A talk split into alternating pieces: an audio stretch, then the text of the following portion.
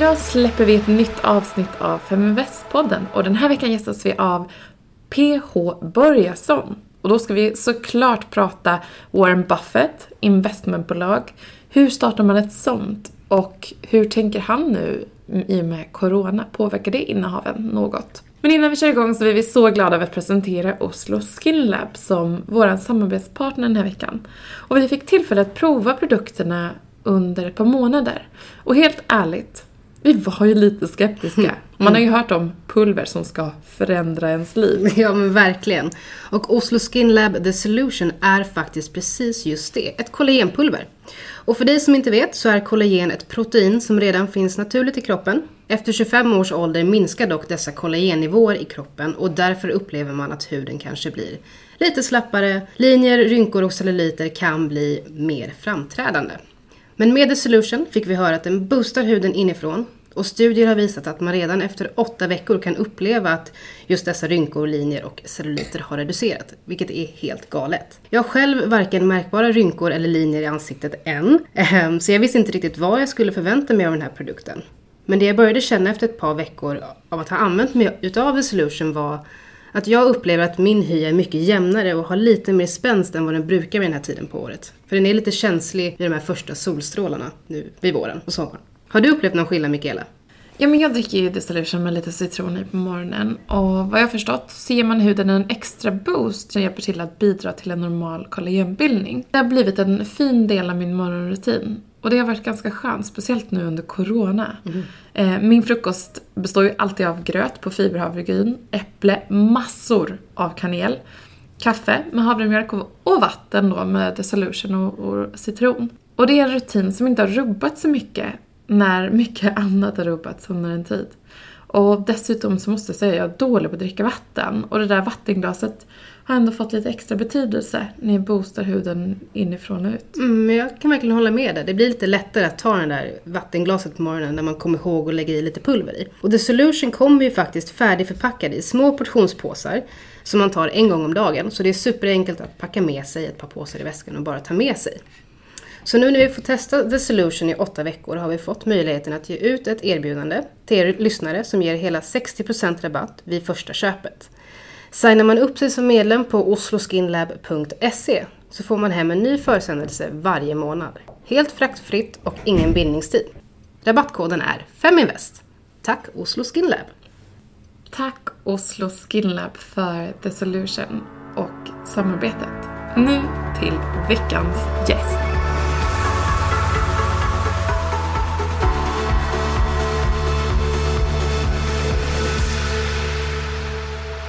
Det är ju torsdag och det innebär ett nytt avsnitt av Feminvest-podden. Vi lyfter olika typer av frågor runt ägande och investeringar varje torsdag.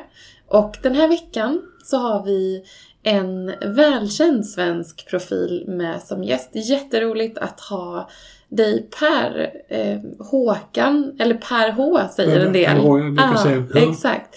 Eh, du är ju VD för eh, Investment AB Spiltan Just det och eh, initiativtagare eh, till detta också. Och det har ju varit en lång resa och det är många som har följt den resan också, både noterat men även i onoterad miljö. Eh, men du, om man, om man kikar tillbaka på den, den karriär som du har valt att gå in på. Eh, visste du redan från början att, att det här var någonting du ville jobba med?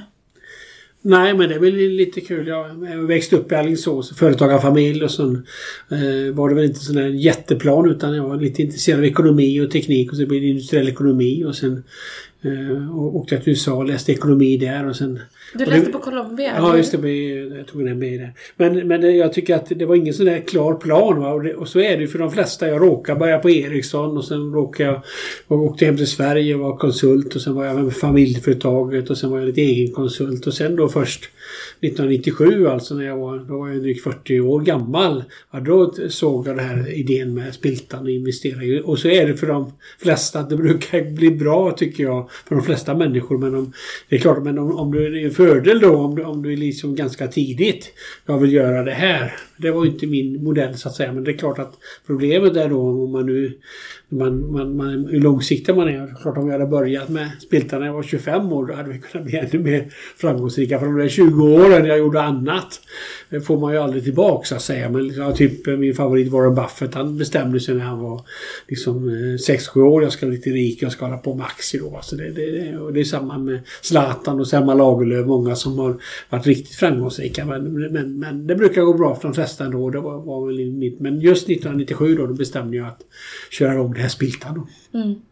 Var investeringar och eh, det temat någonting som ni pratade om runt frukostbordet hemma när ni, när ni växte upp? Eh, du berättade, du kommer ju från en entreprenörsfamilj.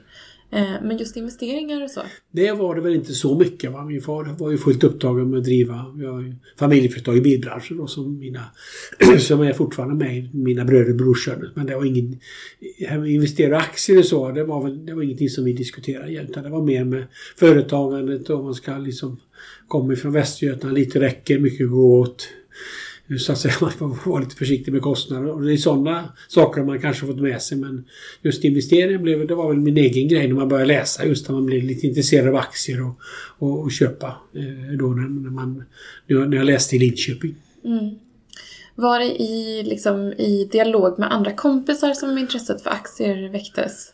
Ja, det kan man nog säga. Jag hade lite, faktiskt lite, lite ett investeringsbolag tillsammans med en Eh, en kompis från Alingsås då som, som också läste i Linköping. Då. Det var så vi, vi började då, men det här var ju liksom ja, mitten på 70-talet. Mm. Um, du är ju en marknadsförare av rang, duktig marknadsförare och det är också det, det du har pluggat till egentligen när du läste din MBA där. Eh, vad skulle du säga om du tittar på liksom dig som VD och ledare? Vad är dina styrkor och vad är det som du har gjort bra? Ja, vi håller på med otroligt många olika saker på Investment AB Spiltan. Noterade aktier i olika typer av branscher. Och så är det klart att det tror jag, nu har vi ju tio anställda och jag har liksom möjlighet att vara lite hands-off då. Jag kan inte vara med överallt. Vissa är ju ledare, ska vara med i detalj. Men jag tycker att jag litar på mina medarbetare och låter dem eh, när det dyker upp några problem vara med så att säga. Så det tycker jag är en viktig hands-off. Och sen är det klart att det har vi en kultur det är lite kul. Va? Vi är lite studenter från början och liksom vi ska, vi ska, man ska ha skoj på jobbet. Va? Det försöker jag och skämta lite grann och, och, och ha ja, lite trevliga tillställningar. Det tycker jag väl också. Vi försöker skapa en, en god stämning på, på Spiltan. Mm, ja, även för aktieägarna så har ni ju härliga härliga eh, fester så att säga. Just det, och trevlig årsstämma. Tyvärr inte i år då med tanke på omständigheterna men annars brukar vi ha trevlig.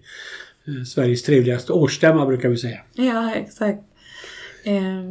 Jag skulle ändå vilja säga, och jag tror att det kanske är den här marknadsbakgrunden som du har. Jag har ju liknande. En marknadsföringsbakgrund, läst på Uppsala universitet med ekonomi också och sådär. Men eh, att du, du har ett kommersiellt tänk på, okej, okay, hur ska vi få med oss liksom fler? Eh, I och med att er affärsmodell bygger på det, att just få med er flera.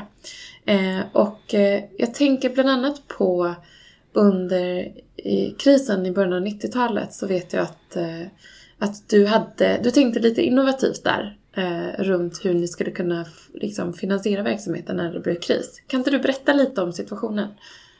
Eh, ja, du tänker på bilbolaget där, just det. det eh, ja, det var ju från början var ju det med, med Spiltan var ju att eh, man tog in kompisar, vänner, bekanta och lite släktingar och så vidare. Så det har vi byggt vidare på hela tiden att man ser sina aktieägare som som eh, partners. Eh, och det, här med, det var ju 500 procents ränta där ett tag och då, då, drabbades vi av det för vi hade ganska stora lån då. Och då gick vi faktiskt till personalen och frågade dem om banken tar 500 procent då kan vi faktiskt betala 300 till våra, till våra anställda då. Så det blev, och det, 500 ränta blir otroligt mycket pengar.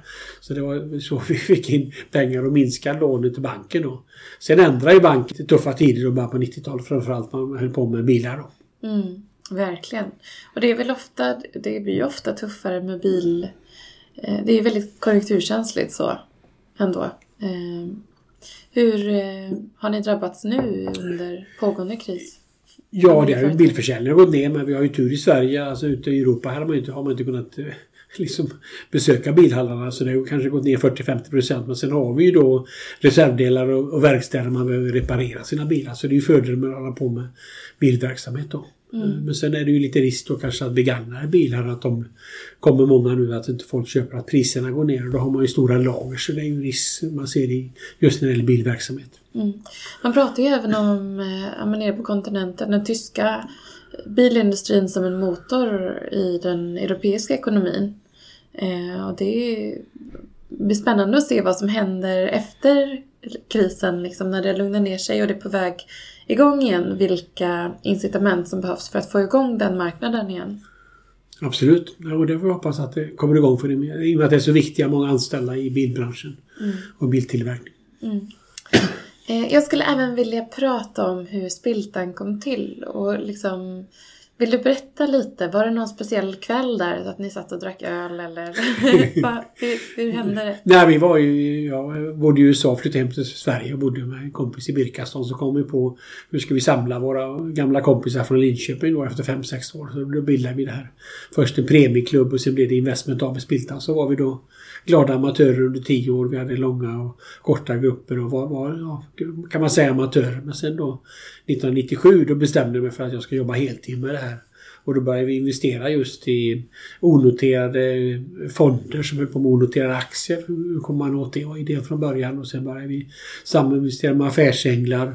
Och sen då, ja, för de senaste 15 åren har vi då framförallt fokuserat på onoterade aktier. Hur kommer man in, alltså köpa, behålla, vara långsiktig ägare med minoritetsposter i onoterade bolag och då vara, vara verkligen långsiktig och inte ha någon exitstrategi. Det är väl det vi har på med de senaste 15 åren. Så det har utvecklat sig över, över tiden men nu är det ju den modell vi har för närvarande. Mm.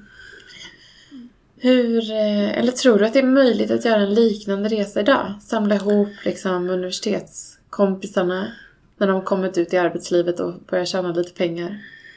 Ja, ja, ja, det kommer då och då folk som vill göra om, göra om det, starta aktieklubbar och jag brukar skämta om det, att egentligen var det ett misstag att starta en aktieklubb. För problemet är när du träffas i en klubb med tio personer ja, då ska man ju då, om, om jag hävdar att rätt beslut är att köpa Investor, Industrivärden och Spiltan och några aktier så behåller de år efter år.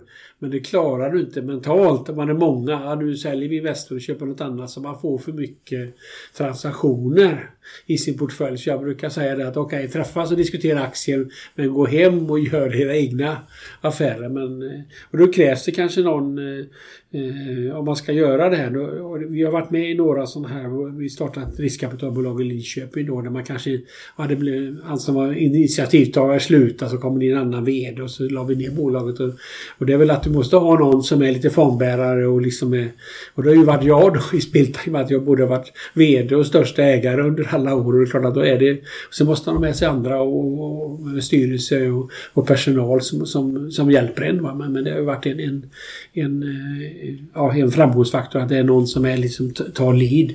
Så inte, eh, hur, vilken riktning vi ska gå. Mm. Och det är ju precis det att ju fler, man, ju fler ägare desto fler intressen så att säga och olika synsätt. För att även, vi kommer tillbaka till det lite senare i intervjun, men just det att eh, även om man har en strategi av att in, aldrig sälja så blir det ju ibland så att man, får, man får ett perspektiv av ett bolag. Ja men nu är det inte en tillväxt Alltså det finns, nu kommer det här bolaget att backa liksom. Eh, och hur tänker man då? Men om man då ser tillbaka, för jag ser ju dig lite som en du, du får ju väldigt mycket utrymme i kriser. Kanske för att man gillar liksom ditt sätt att se. För du, du blir en trygg hamn på något sätt. Att så här, jag håller kvar mitt innehav. Jag tror på att hålla långsiktigt. Eh, men har du själv gjort något misstag i någon kris? Sånt. ja, det är klart. Eh, men framförallt är det att man inte har pengar då när det blir kris. Då vill man ju ha kapital som man kan investera. Så det tycker jag väl var, om man ser tillbaks eh, 2000 som vi med Spiltan och även nu 2008. Det hade varit om det går ner riktigt eh, och är rea då ska man ju ha kapital och kunna investera. Det är klart om man är fullinvesterad då har man inte de möjligheterna även om man, om man, man behåller bra bolag. Så det tycker jag väl lite grann lärdomen och nu har vi haft lite, lite kassa men det är alltid svårt där med, med timing att gå ur in marknaden. Eh, man måste fatta två korrekta beslut. Först måste du gå ur rätt och sen ska du gå in och det är, liksom, det är så otroligt svårt när det är kris. Ja, då vågar man inte. Liksom det står hela tiden i tidningen att det är dåliga tider och nu kommer recessioner. Så det är otroligt svårt det här med timing. Men, men det, det, ja nu till exempel nu, ja, nu är det ju en eh, Ja, några säger att det blir recession och att det blir dåliga tider som 1920 eller 1930-talet kanske. Och några säger att ja, det blir kortvarigt. Va? Men, och det är ingen som vet. Eh, och då får man ju vara, vara beredd på båda utfallen tycker jag. Och vara lite försiktig. Men det är klart att successivt köpa lite aktier i dagsläget till exempel tror jag är en bra, bra idé. Mm. Ehm, du lyfter ju både i dina böcker och ofta när du talar så lyfter du eh, din stora förebild Warren Buffett. Ehm, vad betyder han för dig? Och har det förändrats över tid eller? Nej, men det är ju enkla principer. Det var, det var ju så jag började när vi startade, gjorde om aktieklubben till professionellt bolag. Jag hade läst den här första boken om Buffett, Making of an American Capitalist, som kom 1996. Och när jag läste den här boken, ja, då tyckte jag det är ju så här man ska göra. Man ska vara långsiktig, köpa, behålla. Eh, enkla principer, affärsidéer du begriper. Eh, och, och eh, verkligen hålla, hålla till de här enkla principerna. Och, det är ju, och framförallt vara ärlig ägare också. Eh, så det låter jätteenkelt men det är jättesvårt att ha karaktären och följa de här enkla principerna. Mm. Mm. Det, det, kan jag hålla med om. Som investerare. Men sen är det ju faktiskt så att Berkshire har ju också sålt av under tiden. Eh, han har ju inte riktigt alltid ägt allting hela tiden utan han, det är bolag som, han, som har knoppats av. Vad tänker du om de senaste försäljningarna? Nej men det visar väl att han hade Norstam här där han var genuint osäker om framtiden. Så det var ju folk frågade sig. Han hade en jättestor kassa på 140 miljarder dollar. Varför har du inte köpt mer? Det var ju för att han, han förberedde sig för, för någon kris. Han har ju ett stort försäkringsbolag som kanske behöver betala ut pengar. Och, och sen eh, sålde han ju de här flygbolagen. Men då säger han ju att jag gjorde ett misstag. Och nu är förutsättningarna helt annorlunda. De var ganska lågt värderade och så konstaterar han nu med den här Corona och hela den här eh, pandemin, då, då kommer eh, vi kommer ändra vårt beteende och då sålde han ut flygbolagen. Så det är klart att det är det svåraste. Du har ett bra bolag och som du tror på att kunna fatta ett sådant beslut. Och nu, I och för sig här är det ganska logiskt när man eh, att vi förändrar vårt beteende. Vi kommer att använda telefon och Teams och annat när vi, när vi istället för att resa. Så det, det var ganska logiskt. Men då våga då fattar han beslut att nu sälja flygbolagen då, även om han har sålt en Goldman Sachs, en bankinnehav han haft. Så det, det, har ju hänt historiskt men oftast är ju ändå, och, och även av skatteskäl har han köpt och behållit och liksom tycker jag till exempel Coca-Cola eller liksom har han haft under 30-40 år nu då. Mm. För att det här varumärket går aldrig att skapa igen. Mm. Nej, och det, det förstår man ju att det är utmanande. Men jag tänker själv så, jag vet att det är många som har spekulerat i just att vårt resande kommer minska och det tror ju jag också. Men jag tror också att det finns eh, marginal, dels så tror jag att det finns marginal för de etablerade flygbolagen som klarar sig att faktiskt ta lite högre priser, att vi är villiga att betala lite högre priser som resenärer. Eh, och, och sen så tror jag inte att priserna kommer gå upp så mycket. Jag vet till exempel att eh, vi, vi glömmer fort som mänsklighet så att säga. Eh, och jag tror att eh, jag vet att andra lågprisbolag också är intresserade av att komma in i, som Ryanair har länge väntat på att få, få komma in till, eh, till, till Arlanda som flygplats. De har inte fått utrymme där. Eh, och att det finns, ja, det finns eh, en konkurrens som kommer att liksom driva på ett, ett, fortfarande en, en så pass billig flyg, ett flygpris som som gör att många ändå kommer att flyga. Ja, det är ju en variant att man tröttnar på att sitta hemma och det var någon drivkraft såklart att resa också. Så att det är ju mm. en, en, en, del av vågskålen men andra. Och när det gäller affärsresor det är det ju många som har lärt sig nu att man kan använda. Så det är två olika sidor tycker jag. Mm. Då får vi se vad som, vem som vinner. Men det blir väl kanske både och. Ja, exakt. Förmodligen. Vad tänker du om era nuvarande innehav? Jag tänker framförallt då på på investmentbolaget. Just det. Vill du kommentera? Ni har ju Paradox Just såklart det, som vi alla i stort sett känner till och en ganska stor del. Mm. Hur har ni tänkt där? Ja, vi har ju, man kan säga att Investment AB Spiltan, vi har ju 4000 ägare och vi har tre delar kan man säga. Dels har vi etablerade bolag som står väl för eh, 80 procent. Sen har vi då eh, fastighetsbolag som vi eh, tjänar mycket pengar på. Och sen har vi venture-sidan där- som är där vi tar högre risk och kanske till och med olönsamma bolag men har stor potential. Så det kanske är 5-6 procent av, av, av Spiltan. Sen har vi då en kassa på 3-4 procent ungefär. Och, men det absolut största innehavet det är just Paradox som står för, ja, nu är det faktiskt uppe i 70 procent i och med att kursen bara sista veckan har ju gått upp då. Och det är just att vi tror på, det är ju dataspelsbolag som har otroligt trofasta kunder då. Och det är klart, en, det är en bransch som växer och man, man spelas mer och mer och det har gynnats av den här krisen att de sitter hemma och spelar. Så det är ju eh, många faktorer som gör att, att, vi, att det har gått bra för bolaget. Och det är ju även vår stora framgångsfaktor att vi har för dels har hjälpt till att utveckla bolaget med vår investment manager Håkan Sjunnesson som var aktiv i bolaget men framförallt att styrelsen har då vågat att, att ja, vi har sålt lite hela tiden innan notering, notering under, under tiden men hela tiden har, har vi vågat ha kvar när, när bolag tar lite större del av vår portfölj. Va? För det vill jag påstå är det vanligaste misstaget bland placerare. Man har ett bra bolag, ja då säljer man av för att det är för stor andel av portföljen eller man tror inte på det. Va? Men, och det är alltså, man fokuserar och skapar man värde. När man diversifierar, har många bolag, och då bevarar man värde. Och det är väl det vi har varit vågat göra i Spiltans styrelse, att vi vågat behålla så stor andel i, i just Paradox. Mm. Eh, för att jag tänker både konkurrensen blir ju större eh, och eh, även det, det att eh, på kort sikt att man förstår att eh, spelbolag går bättre i, när vi sitter i karantän. Eh, jag var någon som, en kompis till mig som pratade om sommaren. Hon bara, jag hoppas att jag får dejta någonting i sommar. Jag bara, nej, alla killar sitter hemma och spelar tv-spel och dataspel. Men eh, eh, men det, det skulle kunna svänga tillbaka ganska snabbt då när alla blir så sugna på att komma ut efter att karantänen. Ja, det är ju en möjlighet men, men det unika med Paradox är att man, om man har lagt hundratals timmar på de här spelen, att spela andra världskriget eller spela medeltiden och, då kan, och så kan man spela om spelen. Så att det är många, till exempel andra världskriget, där då spelar man om och så vill man vinna kriget med Tyskland till exempel så att man får en ny spelupplevelse. Så det gör ju att man får otroligt trogna spelare. Mm. Eh, Som, som är unika med just med Paradox spel. Då. Att det otroligt trogna och det är klart att man, man drömmer om, nu kommer det ett nytt spel här för september, de börjar redan göra pre-order så drömmer om att få spela det spelet. Läste jag på Twitter va, så det, det är väl det unika med, med, med Paradox. Mm. Så ni har ett spel som kommer i september sa du? Och första september just. Mm.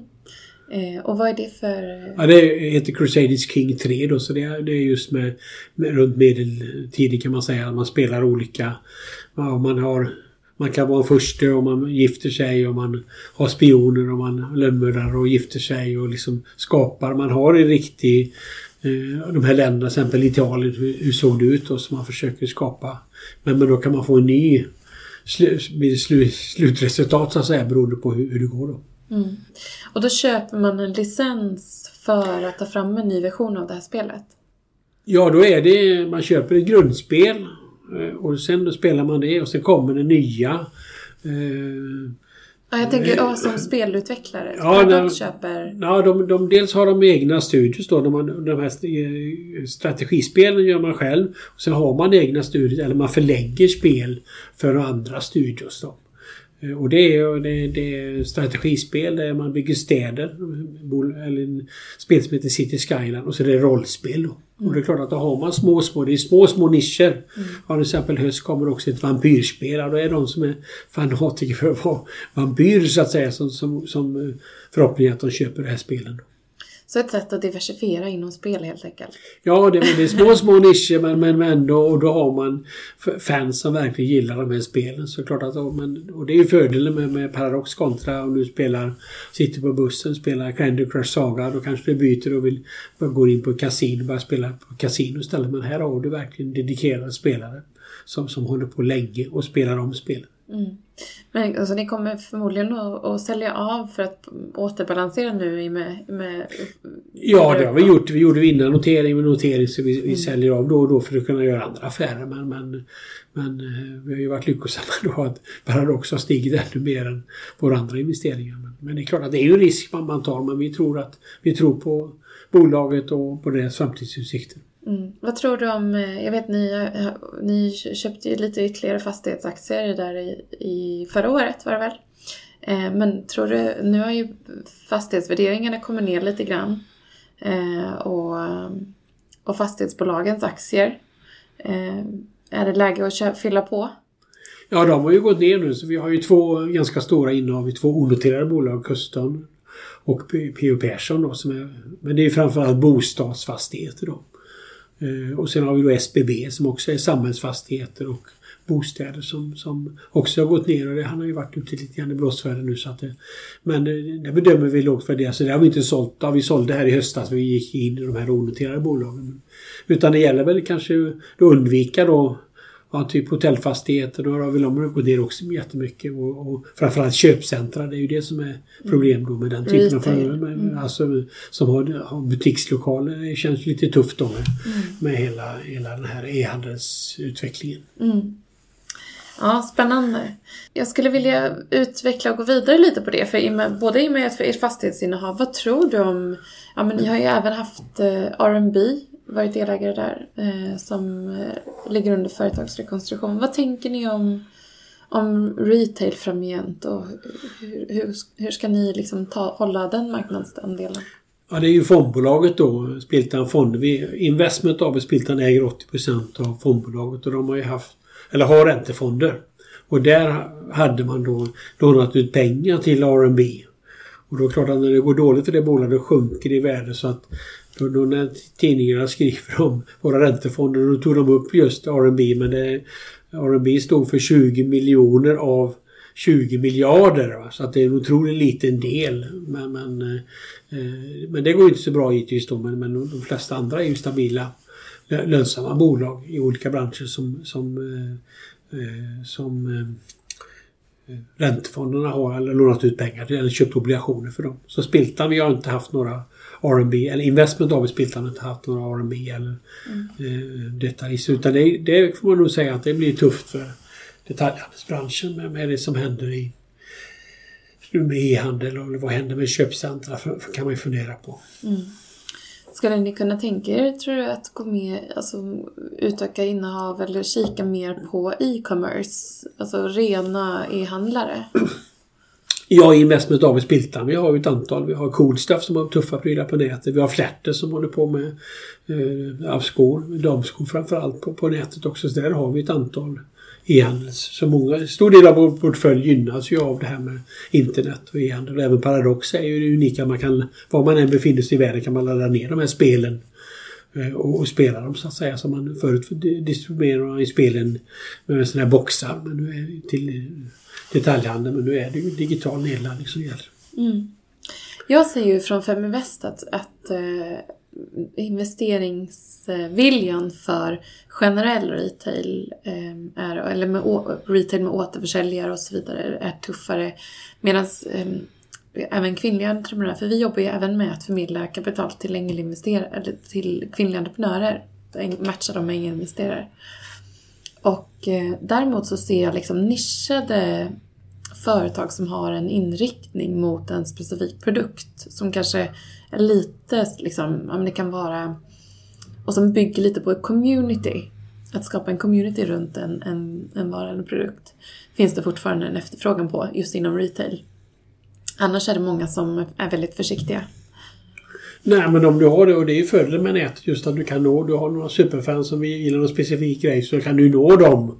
Om du får, får ut med budskapet då. Mm. Mm. Du, vi har varit inne lite på ja, fondinnehavet och R&B och räntefonderna. Vill du kommentera något ytterligare? Det har varit lite eh, ja, massflykt skrev någon, någon tidning ifrån räntefonderna i med, i med de lite osäkra tiderna. Ja just det. när Investment AB Spiltan, vi äger 80% av fondbolaget. Vi startade 2002 då. Så det har varit en stor succé. Så vi har tre Eh, aktiva fonder som håller på med aktier och två investmentbolagsfonder som håller på med aktier också då, som är smarta eh, indexfonder. Och sen har vi startat vi då eh, 2007 startade vi en räntefond och då tog andra kanske 0,7-0,8 procent eller i avgift tog vi 0,1 procent. Och då klart att, och sen tog vi lite högre risk i och med att köpa företagsobligationer, inte bara bostadsobligationer. Så då har ju, då har ju alla tidningar skrivit att Spiltan är billigast och bäst. Så det var så vi kom upp i 30 miljarder i den här fonden. Så startade vi en högräntefond då som också varit otroligt framgångsrik. Och så då blir det att då fick vi en stor del av marknaden. Så då nu i mars då när folk ville ha ut pengar till annat. Då blev det ju stora utflöden och då hade vi mycket kunder som började Avanza Nordnet som tog ut pengar. Och då blev det ett utflöde men då hade vi som tur var ökat eller minskat risken i de här så vi kunde ju då betala ut de här. Så det har inte varit något likviditetsproblem. Men då hade vi, var vi så stora om andra fonder hade kanske 10 miljoner i obligation så hade vi 100. Så då hade vi, fick vi värderingsproblematik. Ja, det var ju, alla hade den problematiken men då var vi så stora så vi hade lite större problem än andra. Då. Det var därför vi eh, eh fördröjde handeln lite längre än de andra. Då. Men nu är ju fonderna igång igen och det är som ingen Eh, och nu är den löpande avkastningen är ju 8% på den här högre räntefonden och kanske 3% på den här korträntefonden. Men det tråkiga är att folk blir ju nervösa då. Och det är klart att när tidningarna skrev om eh, vilka innehav här, då nämnde de bara R&B som stod för 20 miljoner av 25 miljarder kanske. Så då blir folk nervösa. Så det är ju tråkigt med det här att det blev på så sätt var är, jättetråkigt. Men, men, men nu fungerar ju fonderna och att det eh, och den löpande avkastningen är bra i de här räntefonderna. Mm. Har du lärt dig någonting nytt av den här incidenten? Ja, det är väl att vi skulle varit ännu mer vaksamma. Vi byggde upp en likviditet i fonderna och sen klart kan man fundera på, så det håller vi givetvis jobba på. Hur, hur ska vi förhindra att de ändrar, ändrar igen då? Men det var just den prissättningen, och nu har vi ändrat den här prissättningsmodellen vi har så att så vi kan sälja. För, men enligt lag måste man behandla alla fondandelsägare lika. Det var därför vi hade den här problematiken. Och, och för att allas bästa så, så, att säga. Vi hade ju då 300 000 sparare som vi inte kunde sälja ut till fel priser för då blir, blir det fel för, för de som är kvar så att säga. Mm, exakt. Ja, eh, tack för det. Eh, om man då, i och med att det, det, här är ju ändå en ganska unik kris måste man ändå säga med eh, hur den drabbar hela samhället eh, och eh, hur den har stannat upp marknaderna. Hanterar du den här krisen på något annat sätt än de tidigare? Ja, det är väl det här att man får ett, eh, ett förändrat beteende. Va? Det var ju även hörde någonstans det här med SARS i Sydkorea 2004. Att man fick ett ändrat beteende. Man lär sig att handla på nätet med till exempel mat. Då blir det ett beteende. Så att det, det är nog så man får, får tänka lite grann att eh, eh, Ja, typ med e-handel och, med, och nu med dataspel och kanske flygresor och hotell och, och att det, det som har problem då. Att, att det förstärks. Att man har väl lärt sig nu till exempel Eh, med i styrelsen i P.O. Persson i Kalmar. Varför ska jag sätta mig och åka ut till Bromma och sätta mig i plan för möte på fyra timmar när vi kan ha möte på, på Teams istället? Jag tror att den där typen av beteende eller, kommer att förändra och då måste man ju tänka på det när man investerar.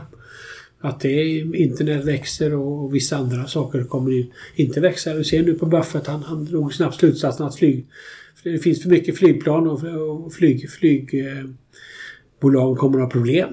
Och, det är nog så man ska tänka lite grann och, se. Men sen klart att de här bolagen som gynnas eh, de har ju stigit, de är ju dyra i och för sig då. Så det är ju kan man hitta något bolag som, som gynnas som inte marknaden upptäckt än. Det är ju lite spännande då. Eller ja, nu till exempel den här anti-globaliseringstrenden. Finns det bolag som tillverkar i Sverige kanske får det lättare nu när man inte är lika benägen att tillverka i Kina till exempel. kan man ju fundera på. Mm. Sådana saker. Man, man är, mm. De mest uppenbara har nog redan typ Paradox har ju gått kanonbra de sista månaderna här.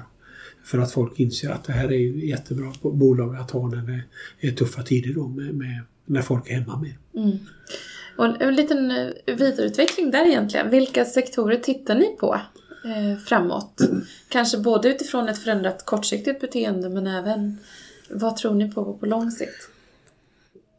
Jag vill leta i duktiga entreprenörer när vi investerar i onoterade bolag. Alltså, och det är mycket internetrelaterat och sådana här software as a service-bolag där man har löpande intäkter och det är lite sådana saker vi tittar på. Men annars har vi ju ingen branschfokus. Vi har ju både etablerade bolag som är industribolag i något fall och sen satsar vi på venturebolag som är lite högre risk men, men samtidigt kan det ge högre avkastningar och fastighetsbolag. Så vi har, vi tittar otroligt brett kan man säga. Men, men eh, internet är ju viktigt va? och den förändring som sker att, som har nytta av den här trenden med, med internet och den förändring som sker på det sättet. Mm. Eh, en sista fråga. Eh, ni har ju även etablerat eh, eh Pupin som, eh, som en plattform för vanliga människor som är intresserade av att komma åt, komma åt eh, helt enkelt att investera. Och är på väg där till att omvandla, ni har sökt en licens hos FI, eller hur? För, för att omvandla Pupins till en börshandlande eh, plattform, så att säga. Eller en börs. Just det. Ja. Det, det, är tre, det är ett affärsområde. Det, det, det startar som en handelsplats för onoterade bolag och nu försöker vi ha kvar den men även då så kallade MTF-tillstånd så det blir liknande som Spotlight och First North då, med, med den typen av handel som av Spiltan handlas. Investment AB Spiltan handlas där. Så det är ju ett affärsområde. Handel i onoterade och noterade bolag kommer det bli då. Och sen är det då det sån här equity crowdfunding att man tar in pengar till bolag som så både få in aktieägare och få fans så att säga. Så där har vi det ett 40-tal bolag och en, en miljard som vi dragit in där. Och sen har vi även ett tredje precis nylanserat, eh, något som heter Peppercon. Att man då lägger in data om sin, sin, eh, sin bolag så att man lättare kan just koppla ihop affärsänglar eller folk som har pengar med bolag som behöver pengar. Då. Så det är de tre områdena vi jobbar med på, i Peppis. Mm. Spännande. Du, stort tack för att du var med i, i den här veckans podd eh, och delade med dig av dina erfarenheter och tankar om både historien och nuläget och lite framtid också. tack så mycket, jättekul att vara med.